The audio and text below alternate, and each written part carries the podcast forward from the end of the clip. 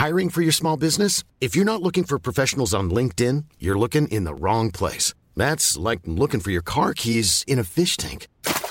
LinkedIn helps you hire professionals you can't find anywhere else, even those who aren't actively searching for a new job but might be open to the perfect role. In a given month, over 70% of LinkedIn users don't even visit other leading job sites. So start looking in the right place. With LinkedIn, you can hire professionals like a professional. Post your free job on linkedin.com slash people today.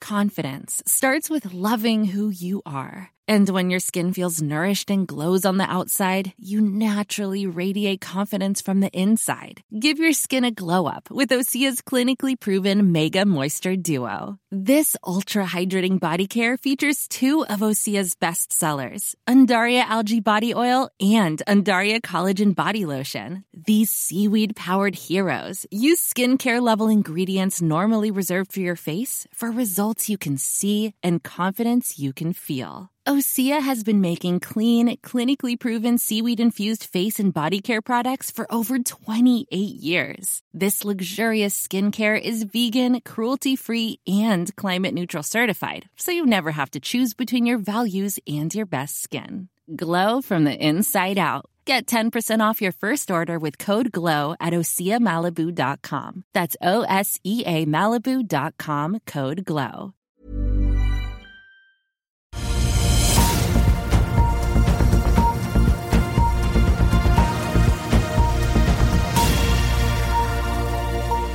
En riktig god morgen og velkommen til Børsmorgen her hos oss i Finansavisen denne onsdagen. Mitt navn er Benedikte Storm Mamvik, og med meg har jeg aksjekommentator Karl Johan Molnes. Senere i sending så får vi også besøk av analytiker i Danske Bank, Mats Ek Strøm, da vi bl.a. skal prate om både litt om Kahoot, men også Adevinta. Vi skal også selvfølgelig ta en nærme titt på SAS, som har fått på plass nødvendig kapital og nye eiere til å drive videre. Men først så skal vi se litt på Oslo Børs, som falt med 1,4% i går, der bl.a. Tomra falt 9% på det meste, etter at et meglerhus nedgraderte til salg med budskapet om at etterspørselen innen gjenvinning skal ned når veksten i verdensøkonomien er brutt. I dag venter eh, Nordnett-analytiker Roger Berntsen at Oslo Børs vil åpne ned omtrent 0,1% det var også mangel på grønne tall på Wall Street i går, der alle de tre hovedindeksene falt godt over 1% Dette markerte også Dow Jones verste dag siden mars i år, som falt 1,29% Samtidig så nådde renten på tiårige amerikanske statsobligasjoner 4,81% som ifølge CNBC er det høyeste nivået vi har sett siden 2007. Nedgangen i USA har også smittet over på børsene i Asia og stillehavsområdet onsdag morgen, der det er en bred nedgang, med unntak av Shanghai Composite, som stiger 0,1% når det gjelder oljeprisen, så har den falt 0,40% siden midnatt. Og et fat nordsjøolje koster nå igjen over 90 dollar etter en liten oppgang som kom i løpet av dagen i går. I andre nyheter så har storeier BV Group solgt 8 eh, 8,4 millioner av aksjene i BV LPG til en kurs på 120 kroner. Det tilsvarer omtrent 6% av aksjekapitalen. Aksjen sluttet i går på 132,20 kroner. I tillegg så har Golden Ocean Group besluttet å forlenge selskapets eksisterende tilbakekjøpsprogram program med tolv måneder. Og der eh, Karl Johan, tror jeg vi egentlig bare hopper rett over til SAS. De har jo nå fått på plass kapital og eiere, og de skal jo da også planer om å ta seg av børs.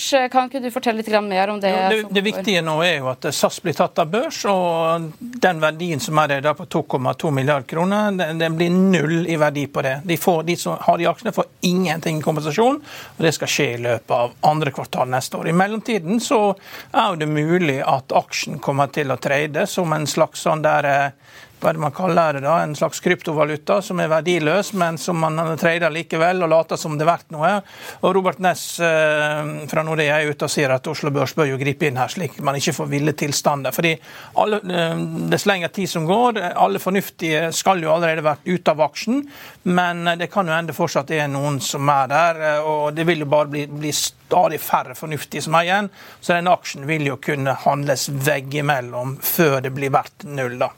Og Hvorfor har vi havnet her at det blir vært null? Jo, det er jo fordi at denne kapitalinnhentingsprosessen har tatt tid. Og når det tar tid, så er det fordi at ting ikke går helt sånn som man planla.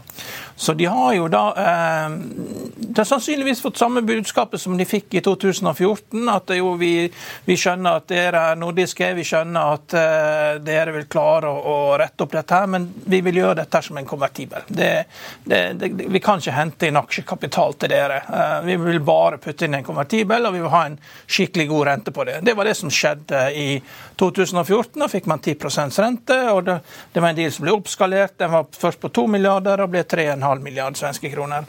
Men da er problemet at hvis du bare gjør en konvertibel, du, da får du ikke nulle aksjene, liksom. Eh, fordi at det blir også nødvendig da. og så blir det, Vi må ha noe egenkapital. Så da har de strukturert det sånn at det blir hentet inn 475 millioner dollar i egenkapital og 700 millioner dollar i en konvertibel. Og Eh, And. Det, det, er klart at det her er noen eh, spesielle eh, flyinvestorer. Det er Castle Lake, som ender opp med 32 av dette. her. Det er flyinvestoren som sannsynligvis har strukturert dette. her, Og så har du da danske stat, som vi visste skulle være med, mellom 20 og 30% Og så har du en privat investor fra Aarhus, en, en, en Linde, Linde, Investment. Og så har du også Air France, da, som kommer inn med rett under 20 og Air France KLM går inn med under 20% Da slipper de å føre dette her i sine regnskaper.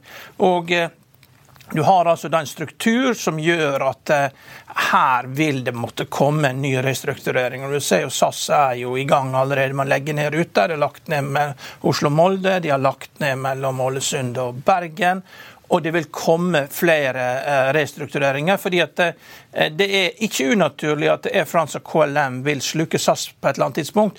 Men det kan, når, de bare eier, når de eier under 20% så vil de bare sitte på sidelinjen og se. Og de, de kan jo ikke koordinere aktiviteten. Eh. Så det her er, dette her blir av børs. og, og de har jo tenkt å tjene penger på dette, her, og da må også SAS tjene penger. Og Du må kutte en del ruter. Det, det som er mest bemerkelsesverdig her, det er at det er ingen store svenske investorer. Og Det var jo fordi at de gikk så tungt inn i 2014 med 3,5 milliarder svenske kroner. Nå ble jo 7, 70 eh, av de obligasjonene kjøpt tilbake til 5% premium i 2018, så de har, ikke, de har ikke tapt alle pengene sine. Men likevel så er de svenske investorene de, er, de sier at det, det er nok nå, liksom. Er, eh, vi skal ikke gjøre dette en gang til. Eh, SAS må finne en naturlig løsning.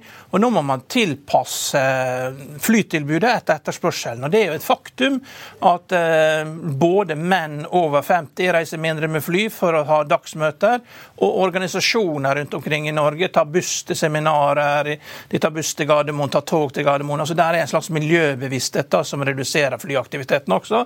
Så vi, Det gamle flymarkedet der man fløy rundt for for å kose seg, eh, det er borte.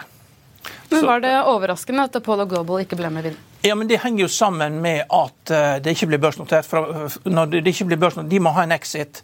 De er en finansiell investor, og, og Castle Lake tok over deres posisjon. Eh, og, og det, det, det, tror jeg nok de skjønte underveis. Da hadde, hadde, SAS blitt børsnotert, så hadde Apollo Global vært en av de største investorene her.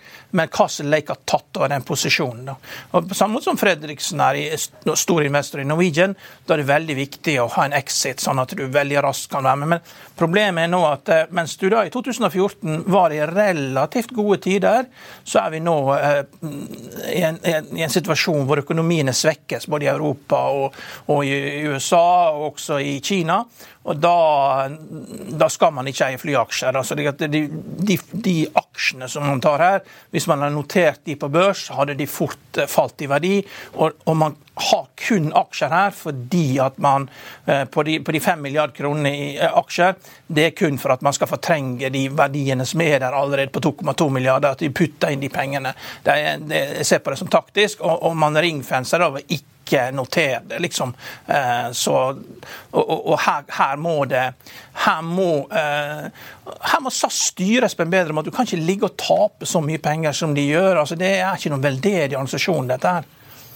Det... Men i går så var jo Robert Næss og Jan Petter Sissener ganske raske ute med å si at her er det bare å selge alt. Det, er ja. det en mening du deler, eller? Ja da, helt klart. Helt klart. Det, er, eh, det, det, har vært verdiløst lenge, men det er klart at det, er mange som elsker å trade ting som er verdiløst. Det er jo bare å se på alle disse kryptovalutaene. Det er jo det er litt av det samme. Men her har du da eh, Dette går bare til andre kvartal, så her er det en slutt. Mm. Men det, Var det noen andre gode nyheter som kom i løpet av pressemeldingen i går? Eh, nei, altså det Vi har vel dekket det meste nå, tror jeg. Det er jo mm. Det er jo, men det er klart dette her åpner jo opp for en helt annen konkurransesituasjon. Eh, spesielt i, i Sverige. Altså både Lufthansa og Finner vil nok kunne øke tilbudet sitt inn mot eh, svenske kunder. Og, og det kan jo hende svenskene også starter sitt eget flyselskap. Tre kroner Airlines, liksom. Du kan, du kan, ikke ha, du kan ikke ha 25 000 adelsfolk og ikke et eget flyselskap. Selv om Ryanair flyr i gult og blått, så kan ikke det være adelens flyselskap. Det går ikke. Nei, men Det blir veldig spennende å følge med på. Vi får følge med på aksjene og veien videre her på SAS. Vi er straks tilbake nå etter en kort pause. Vil du bli oppdatert på det viktigste som har skjedd innen finans og næringsliv? Da er det bare å følge med, for hver morgen er jeg, Marius Lorentzen og aksjekommentator Karl Johan Malnes på plass i studio for å ta tempen på dagens marked i Børsmorgen. Og hver ettermiddag oppsummerer vi alt du trenger å vite i økonominyhetene, og det blir selvfølgelig masse interessante gjester. Klikk deg inn på fa.no-tv, eller søk opp Børsmorgen og Økonominyhetene der du hører på podkast. It's that time of the year. Your vacation is coming up. You can already hear the beach waves, feel the warm breeze, relax, and think about work. You really, really want it all to work out while you're away. Monday.com gives you and the team that peace of mind. When all work is on one platform and everyone's in sync, things just flow wherever you are. Tap the banner to go to Monday.com.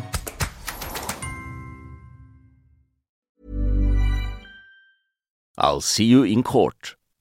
Vi sier det ofte litt på spøk, men for deg som driver business, er det aldri moro å innse at du ikke har laget en 100% gyldig kontrakt. Du bør ikke risikere hele firmaet ditt fordi du synes dette med kontrakter er litt stress. En avtale er ikke en avtale. Du kan miste kunder, miste venner, ja, til og med miste inntekter om du ikke lager en skikkelig kontrakt, på alt mulig, egentlig.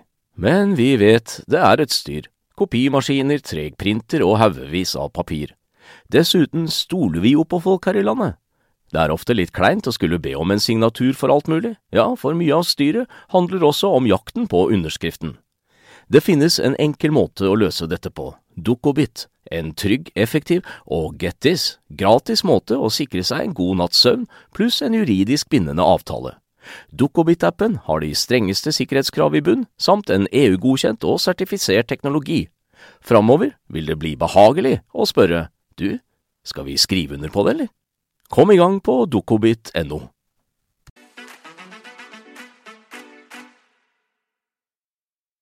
Da er eh, handelsdagen i gang, og Oslo Børs faller da med 0,54% fra start. Og da går vi egentlig bare rett over til deg, eh, Mats Ekstrøm, analytiker i Danske Bank. Velkommen til oss. Takk for det. Yes, Du har jo vært i London. Kan ikke du fortelle litt om hva du gjorde der? Det kan jeg gjøre. Eh, vi har vært veldig eh, interessert etter Adevinta-budet, som ble Jeg følte det kom litt sånn ut av det blå. Ikke at det kom ut av det blå, men det var en del rykter. Og så følte jeg at eh, når jeg har snakket med Schibsted, så føler jeg at det budet det tror jeg ikke de hadde lyst til å kommentere når de gjorde. Jeg tror de hadde lyst til å vente med det til Q3-rapporten deres, som de har sagt tidligere. Eh, men de følte kanskje at de måtte gjøre dette pga. alle ryktene som svirret i markedet. Og Da har vi på en måte tatt en litt posisjon. Vi har sett på hva er det egentlig Adevinta er verdt. For det er veldig mange som veldig var raskt ute og sier at dette er et selskap som kommer til å bli kjøpt i rangen 120, 125, 115 kroner. et eller annet sted rundt der. Men vi har på en måte sett litt lenger ned i veien, fordi vi mener at selskapet er et helt annet selskap i 2026 enn det der i 2023, gitt de vekstforutsetningene har, gitt den marginekspansjonen vi tror de kommer til å ha. Så mener vi at selskapet i 2026 kommer til å ha vært mye mer enn 150 kroner, opp mot 200 kroner i, vår, i våre analyser. Og Dermed mener vi at vi har prøvd å på en måte drive litt den minoritetsaksjonærbasen, hvor vi har møtt en del selskaper i London som er veldig veldig bullish på Adevinta, som mener at selskapet har vært mye mer enn den rangen som veldig mange opererer med, 120-125 kroner. Og Vi har også på en måte gjort en sånn LBO, bare for å se på hva Blackstone og Permira kan betale, og da ender vi opp på rundt 125 kroner, som vi føler er fair for et bud i dag, men vi mener også at selskapet har vært mye mer down the line. Problemet her er selvfølgelig at du, for minoritetsaksjonærene er jo at uh, 72% av kapitalen er allerede nesten kommentert inn i et potensielt bud. Så det blir nok vanskelig å presse de til mye mer enn det, men vi har i hvert fall prøvd å sette i gang noe hjul, og det har vært veldig bra respons på det i, i London. Det er ganske mange aksjonærer som har prata mye sammen eh, gjennom oss, og også med hverandre, for å prøve å på en måte nesten skape en litt alliert front. da, For å prøve å drive aksjeprisen så mye som mulig. Og I tillegg til dette så er det en ting til. I går vi har også vært litt sånn usikre på hvilken hatt har Schibsted på seg, gitt at de skal være med videre i et potensielt Bidco eller et konsortium. Hvor, hvor, hvor, sitter de? Er de en kjøper eller er de en selger? Hvis du skal være med videre, vil du selge, hvilken pris kommer du til å selge på? Eh, nå kom Advinta med en oppdatering i går at de, har satt ned en sånn independent committee da, som skal på en måte overse hele dette potensielle budet. som det gjør i hvert fall at Nedsiderisikoen på et, på et bud på 120-125 syns vi er i hvert fall mindre i dag enn det vi kanskje potensielt kunne se i går. Mm. Alle teknologiaksjer er jo eh, det er sånne regulatoriske krav til oppkjøp. og mm, Franskmennene har møtt seg det er veldig artig at Schibsted eier Le Banquada, liksom, som mm. finner i Norge. og De, det, de er veldig stolte av dette. Men eh, kan et sånt selskap få lov til å bli eid av eh, Blackstone i USA, eller eh, er det greit? liksom? Et private equity-selskap hadde jeg fått lov til å eie finn.no i Norge? Er det, er det greit? Har man sjekka ut det? Det er et veldig godt spørsmål. Det har jeg ikke egentlig sett noe særlig på. Jeg regner med at det kommer til en del av DD-prosessen som eh, kommer gjennom. Jeg tipper at det burde være ok, gitt at det er et private equity-selskap. At det ikke er så mye antitrust, eh, gitt at de ikke har så mye konkurrerende assets fra tidligere. Jeg tipper det skulle være greit, men eh, det er et godt spørsmål. Definitivt. Vi har jo snakket litt med deg tidligere da, i mm. saker i Finansavisen, men vi lurte litt på dette med budkrig eller andre interessenter. Hva, du, hva er dine tanker om det? Det er jo klart, eh, Hvis man ser tilbake på det oppkjøpet som ble gjort av eBay Classifieds for et par år siden, så var det et par andre potensielle bud. Eh, budgivere der. Da har du på en måte en Prosus backed by, av eh, KKR, eller KKR, eh, det P-selskapet der. Så det er klart det er en interessant vinkling også, men der har du også mer den Vi snakket om den antitrust-issuen med at Naspers og, og, og, Prosus på en måte har en større andel innafor innenfor online classifieds. altså Spørsmålet hvordan det eventuelt ville slå ut. Men jeg tror på en måte, gitt hvor vi er nå, så tror jeg på en måte dette er de som egentlig har et bud inne per nå. De joiner vel heller. altså Der er jo rom for flere i konsortiet. Det tror jeg, det er akkurat det. De konkurrerer med hverandre. så de, det, er jo så, det er så stort også. De liker jo å spre risikoen ut. da. Mm. Så får du flere som jobber med det også. Det er akkurat det. Ja. Nettopp. Men det var jo også eh, litt med, med skipsdød også eh, i, mm. Eh, i, Adevinta. Tror du man kommer til å få mer info om Adevinta i presentasjonen til skipsdød nå fremover? Eller når tror du man eventuelt kan få noen videre nyheter utover dette, dette budet? da? De har jo tidligere sagt at Q3 var på en måte ja. eh, Q3 som da er oktober 20, 25. oktober. Så har de på en måte sagt tidligere at da skulle de gi en oppdatering til markedet. gitt at da har jo denne, denne lockupen på disse aksjene har jo nå gått ut 14.10. Så da har man litt mer visibilitet, selv om de allerede har på en måte lagt en plan for hva de har lyst til å gjøre. Og så har man skulle gitt mer oppdatering til markedet. Og jeg tror på en måte at dette budet kanskje egentlig skulle gitt, eh, bli gitt på den eh, kvartalspresentasjonen, og ikke ble sluppet eh, ja, tidligere. En måned før. Men det er jo så mye interessant med Schibsted, for de har jo også nå investert i Viaplay. Ja, det har de. Eh, så kan man kanskje legge sammen to pluss to, og så kan man kanskje skjønne at når man tok 10% der, så skjønner, og de har vært veldig tydelige på at de skal være nøye med kapitalallokeringen, eh, da har man kanskje skjønt hvor at man kanskje potensielt får inn litt cash da, i en ganske kort framtid. At man dermed har sett på at man kan bruke noe av de pengene. Så skal ikke jeg si for mye om hva jeg tenker om Schibsted og Viaplay, men det er klart jeg har jo slitt med å se litt hvorfor eh, at de skal ta 10% av Viaplay i dag. Det er vel ikke noe sånn kjempeoverlap, syns jeg, da. Nei. Ja, men Viaplay har, har, hatt en veldig spesiell strategi i USA. De har, mm. de, satser på å legge ut 1500 timer med sånn der mørk nordisk krim. da, eh, eh, Som skulle selges på abonnement i USA. og du, etter, etter, du har Fargo, den filmen, så det, det er vanskelig å det, det, er en sånn klassisk sånn eh, nordisk type sånn krim. krym. da. Og, eh, men det, i og med at du har hatt en skuespillerstreik, så kan det hende at man kan selge ut av dette her og, og selge videre de rettighetene. For det, mm. det, er jo lenge siden Netflix og de andre har hatt noen store sånne der eh, kioskveltere som får det til å tegne abonnement. Og, eh, så, så, det handler jo da om at eh, Viaplay må trekke seg tilbake igjen. og, mm. og I Norden er jo de lønnsomme, og så kanskje da redusere. De har fått inn en tsjekkisk investor som kan ta seg av hockeyrettighetene, som sikkert er god på det. og Det er jo gamle sjefen som styrer dette. Så jeg tror nok det at du, du får et helt annet Viaplay eh, om to år enn det du har hatt. For det som var nå, det var liksom sånn la oss gå ut og erobre verden eh, i full fart, liksom, på mm. speed. og eh, det er ikke så lett, dette her. Nei. Det er nok noen Premier League-rettigheter som er ganske dyre, for å si det sånn. som ligger ja. her. Men det kan man jo dele. ikke sant? Definitivt. definitivt. Så det er, det er, klart det er potensialet. Ja. Hvis du tar det internasjonale og selger bort det, tar de der original contentet og selger bort det, og sitter igjen med den nordiske delen og klarer å dra det tilbake til en 8% margin som de har hatt sånn run rate, så, så klart det kan det være noe potensial down the line her. Ja. Mm.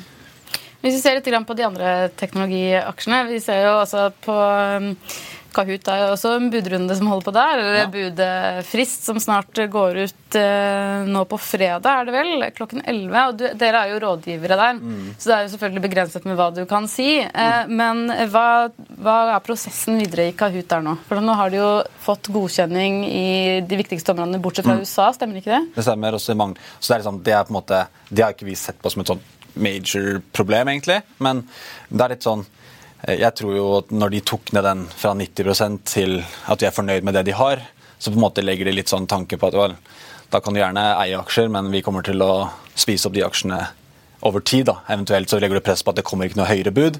Så de folkene da som fikk den, når du kom ut med den beskjeden i forrige uke, eller to uker siden, så tenker jeg at det er en del da som tenker at ok, her kommer det faktisk ikke et høyere bud. De kommer til å eie 75% allikevel. De hopper ned fra Det er vel en tidsfrist der? Går den ut denne uka her? Fredag. Man liksom signere og mm. De var veldig opptatt av det. Ikke glem å signere. Og... og det, er veldig mange, det er jo ekstremt mange retail-aksjonærer, ja. så det har vært veldig vanskelig å nesten få lov til å mappe hvem som eier hva. Ja. Uh, og så er det mange i Nordnett også som ofte selger på siste dagen for å på en måte skvise ut så mye som mulig. da. Mm. Ja. Så det blir spennende å se hvor, eh, hvor, mange prosent de kommer til å sitte med på fredag. Men de har vel allerede de hadde vel 69-70 nå for et par uker siden. Jeg tipper den sikkert har tikket litt oppover. Kan de trekke seg fra budet? Jeg tror ikke det. Jeg tror ikke det. det så de er gode fanger på det som allerede er, de folk har kommentert? Jeg tror, jeg tror det, så vidt jeg vet, ja. Så litt spennende. Men eh, jeg tror, eh, gitt den kommunikasjonen de har hatt også, så tror jeg de kommer til å være veldig happy med okay. å holde det de har i dag. Og så tror jeg at den prosenten kommer til å øke til fredag. Og da er det ikke så mye igjen av minoritetsaksjonærer uansett. Og da tror jeg over tid så kommer de til, hvis de holder det bare på børs, så spiser de mest sannsynlig opp de aksjonærene over tid, tror jeg. Og tar det av, da, hvis det er et, et, mål da, som de har vært ute etter. Eh, planen deres er jo eh, eventuelt å gå av børs eh, når, hvis budet går gjennom. Mm. Er det ikke det som har vært snakket om? Stemmer. Og så er det noen regler på hvordan aksjonærstrukturen er. hvor mye, om hvis aksjonærstrukturen er sånn at du kan potensielt ta det av børs under 90 også, men jeg, tipper i dette caset så blir det ikke gjort det gitt at det er så mange småaksjonærer. Nei, ok. Mm. Ja, men Det blir spennende. Da var det vel fredag klokken 11 på kvelden, faktisk. Så det, ja. tror jeg det sto. Det, ja. det, går ut. Vi holder den helt til eh, siste frist. ja. ja, men det blir gøy. Eh, vi tenker også, vi skal måtte spørre deg litt om Nordic også, for nå har det jo kommet enda et resultatvarsel. Det er jo ikke deres første, akkurat, dette her. Nei. Eh, hva, hva er din take på Nordic Semiconductor i dag? Vi, jeg tror det er viktig å skille litt mellom selskapet og aksjekursen. egentlig, for vi, veldig, vi liker jo selskapet. Det er ikke noe tvil om. Jeg synes på en måte, Hvis du ser på hva de altså den markedsposisjonen de har, hvem de faktisk konkurrerer med. Eh, vil, altså Markedet også er jo en strukturell vekst. Dette er jo et veldig bra område å være. Men det er klart, hvis man ser på aksjekursen, hvis man ser på alt det som skjedde i covid, med ekstremt høy etterspørsel eh, etter chipper generelt. Liksom, de hadde ikke nok chipper fra TSMC. Det ble en veldig build-up i backlog, og alle tenkte at dette går jo bare én vei. Og så på en måte snur det litt. Eh, du får én. Eh, plutselig har du tilgang på mer chipper i markedet. Det blir en sånn veldig build-up i det vi kaller for eh, varelager. Det som vi har sett bare har steget hos egentlig alle, både hos TSMC og distributører, hos de fabulous-spillerne. Alle har på en måte sett en veldig opptikk i, i, et varelager. Og når du da i tillegg til det har en er eksponert veldig mye mot det vi kaller for consumer electronics, som er på en måte en 60% av, av inntektene dine, og, og, renta går fra null, og du har masse, en del savings gjennom, gjennom covid, og så plutselig har du rente på 7 da, på boliglånet ditt, så er det klart at du har ikke så mye penger igjen da, til å kjøpe kanskje disse ulike produktene, som gjør at demanden hos sluttbruker kanskje går ned. og Det er vel kanskje det vi har sett hos, uh, hos Nordic, og man ser jo særlig hos det vi kaller for små, små og mellomstore, mellomstore bedrifter. Uh, det samme også da på at denne uh, bruttomarginen også har kommet ned, da, gitt at det de kaller for tier 1-kunder, har faktisk holdt seg relativt greit i demand. Det var bare to analytikere som hadde salg og med kursmål vesentlig under Eh, når det kom siste mm. Eh, svake rapporter. og eh, hva var det som gjorde at du snudde i april? Du så da, da satte du kursmål 180? Vi, det var litt Vi trodde at det kanskje var et litt sånn down market, at det skulle snu litt fortere enn vi trodde. Men det er klart, som vi om, det er, det er et syklisk marked. Mange glemmer kanskje dette. Og det er klart at Vi så en sånn inventory build-up generelt i hele hele liksom, verdikjeden. og at, prøvde, at, dette kunne være et problem da, for at gitt at de ikke klarte å justere på prising i, Vi var særlig negative til 2024. Vi trodde at altså, slutten av 2023 kom til å være ålreit. Men det har jo vist seg at den, egentlig, den, den investeringstesen som vi hadde, har egentlig skifta nesten tidligere enn det vi trodde. da. At man på en måte, vi, trodde, vi var redd for at vi kunne miste litt prismakt på, på videreprising fra TSMC. Og vi var også redd for denne small og medium-sized eh, businesses. At de på en måte gitt at den produktmiksen de har hatt tidligere, har gjort at de har hatt veldig høy bruttomargin, og den da ville dale gitt at eh, sluttbrukeren ville bruke mindre penger på de, på de, produktene. Så egentlig det vi så på litt, og, og, var redde for at dette kunne slå ut i særlig 2024, for vi lå en del under på 2024-estimater, men vi ser at dette har kommet ganske mye eller på en måte skiftet tidligere enn det vi trodde. Så tok, altså Vi også lå godt over denne, dette resultatvarselet som kom for Q3. Også. Vi også hadde 153 millioner eller noe sånt for, for kvartalet, gitt den guidingen de hadde i, i, forrige kvartal. Og så tar de ned til 135-140, så vi måtte justere ned en 10, 10 bare på kvartalet. Så det er klart det har skifta mye. Estimatene har kommet masse ned. så Det er, det er, liksom, det er interessant nå å se hva som skjer framover. Vi, vi, skal nok ta en titt på det igjen og se.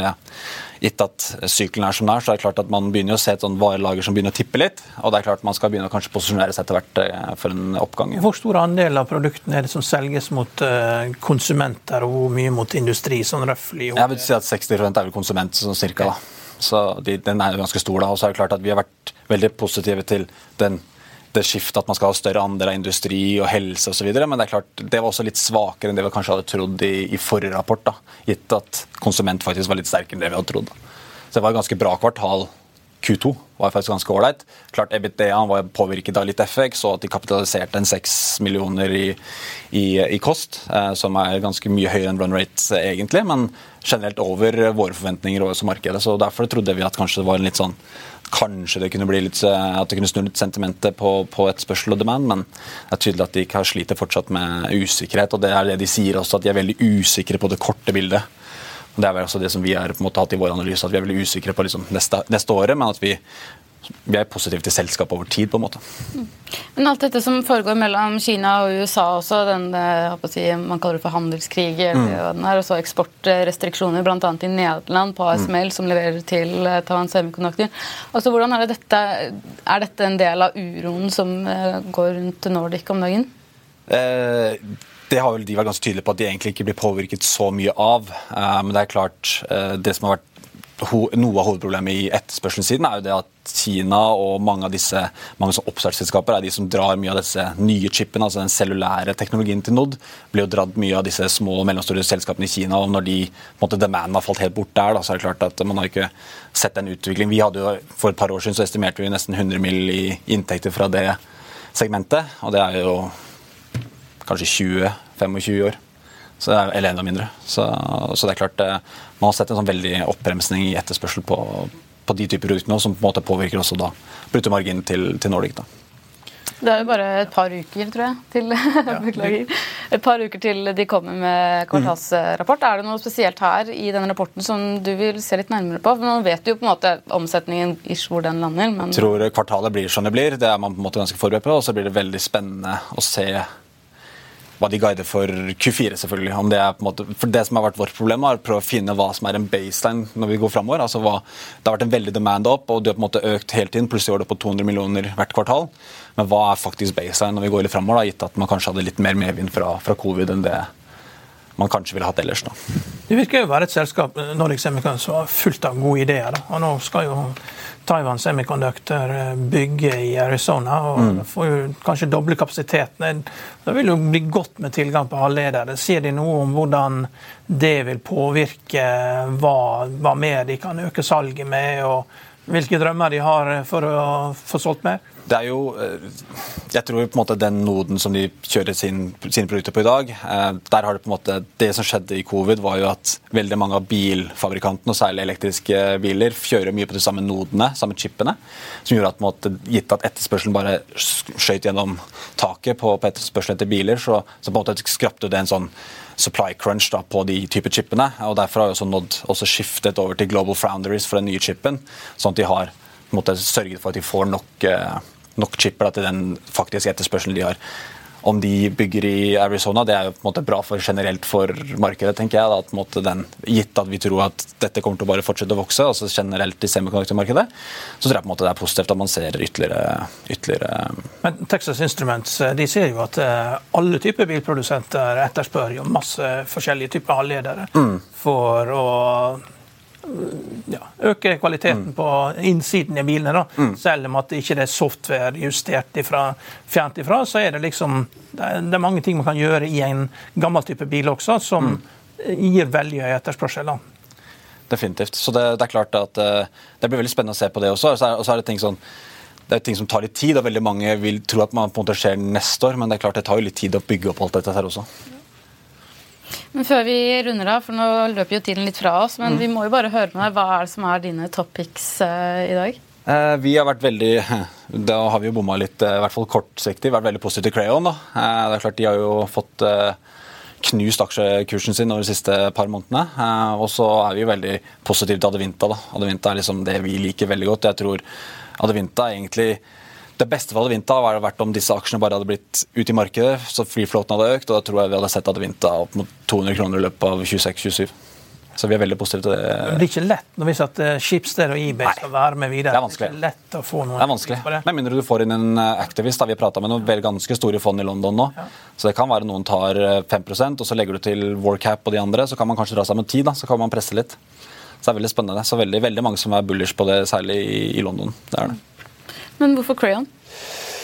Jeg synes på en måte Det er en, det er en sånn strukturell vekstcase. Det, Hvis du ser, det vokser 20% i året. Det har vært en fantastisk reise over eh, de siste ti årene. Og så har man på en måte slitt litt det siste året, halvannet, eller særlig året med den litt sånn cash conversion. Og de har jo en utestående fordring på Filippinene på en 450 millioner. Eh, det er klart, Hvis den kommer inn, så, så, så, så tror jeg man klarer å redde denne equity-storyen litt mer da, enn det man har gjort tidligere. fordi det er klart Man har slitt med å konvertere cash over den siste perioden. og Det, det er relatert til både den utstående utestående fordringen, og i tillegg denne arbeidskapitaldynamikken, som er ekstremt viktig i, i Crayon, hvor du har hvis du ser på Q2, så har de ti 10 milliarder i eh, kortsiktige fordringer av en av balanse på 15 milliarder. Så klart, Den dynamikken er ekstremt viktig, hvordan de klarer å håndtere den. Og den har på en måte egentlig jobbet litt mot dem nå den siste, siste tiden. Så klarer man å snu den trenden litt, så, så, vil man få cash inn mer. Og jeg tror på en måte det er eh, et veldig bra selskap. Hvis man ser på valuation, så er det jo enten så er det jo eh, som noen spekulerer i, at det liksom er, noe, er noe fraud inn i bildet og greier, eller så er det liksom tidenes kjøpsmulighet. og jeg tror på en måte vi er veldig positive til Crayon. Kan du si noe om hva Crayon får inntektene sine fra? Hvilke forretningsområder de har? Ja, det er, både, det er litt sånn splitt egentlig ned på midten. Du har både det vi kaller for software-segment, og så har du også mer sånn software and cloud economics, som vi kaller det. altså Hvor man går inn og ser på en IT-stack til et selskap, og så ser man på ok, dette er det du har i dag, vi kan redusere den spennen. Vi mener at dette, dette er overlappende dette, og vi trenger kanskje så kan spare bedrifter 15-30 på, på, på IT-stacken din, og så legger de da på en del nye software på toppen av det som kundene kan kjøpe fra de. da, Så blir det veldig bra marginbusiness på den software-delen. Det er veldig sånn kort, eh, kort forklart. da. Tror jeg vi må runde av der. Eh, Mats Ekstrøm, analytiker i Danske Bank der også. Tusen takk for at eh, du kom til oss. Da er tiden inne for å avslutte dagens sending, men husk å få med deg boligtallene som kommer klokken 11 i dag fra Eiendom Norge. Eh, de seneste fem årene så har jo gjennomsnittlig prisutvikling i september vært på minus 1% men i Eiendom Norges modell, som vektlegger fjorårets prisfall i september på 2,2 så vil det normale nå være på rundt minus 1,5 eh, denne måneden. Administrerende direktør i Eie eiendomsmegling, Hedda K. Ulvnes, sa forrige uke at hun tror at prisfallet blir større enn halvannen prosent, og estimerer et fall på mellom 2 og 3% Fasiten får du jo selvfølgelig på fa.no senere i dag, sammen med siste nytt gjennom hele dagen. Vi ønsker deg en riktig god dag videre, og takk for nå.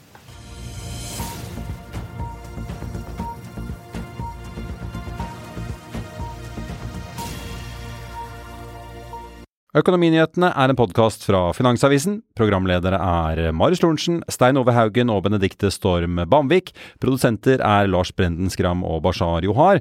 Og ansvarlig redaktør er Trygve Hegnar.